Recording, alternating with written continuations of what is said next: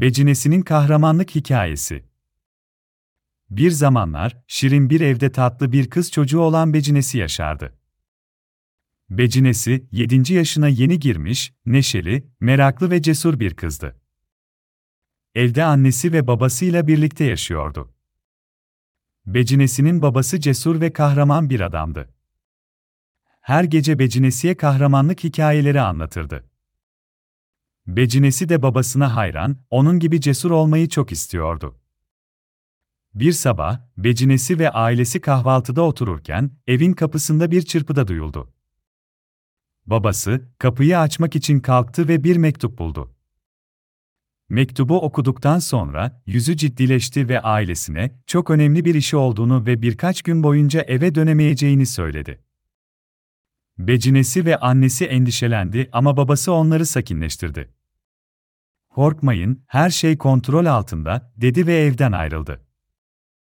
Babasının yokluğunda, Becinesi evin sorumluluğunu üzerine aldı. Annesine yardım eder, ev işlerinde ona destek olurdu. Ancak birkaç gün sonra, evlerinin önündeki büyük ağacın altında bir yılan gördü. Becinesi ilk önce korktu ama sonra babasının cesaret hikayelerini hatırladı.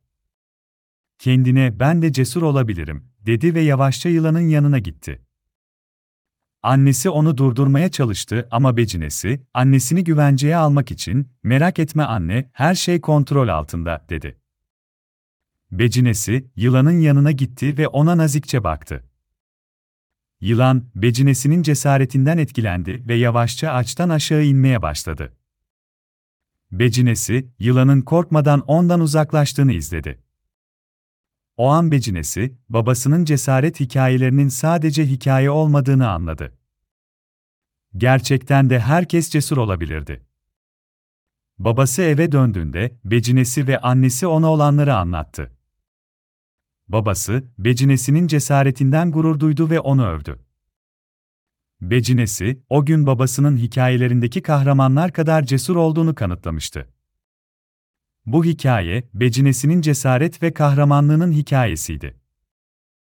Becinesi, o gün annesine ve kendine, cesaretin her zaman içimizde olduğunu ve sadece onu ortaya çıkarmamız gerektiğini göstermişti. Becinesi'nin hikayesi, çocukların cesareti ve erdemi nasıl göstereceğini öğretir. Becinesi'nin hikayesi, hepimizin içinde bir kahraman olduğunu hatırlatır.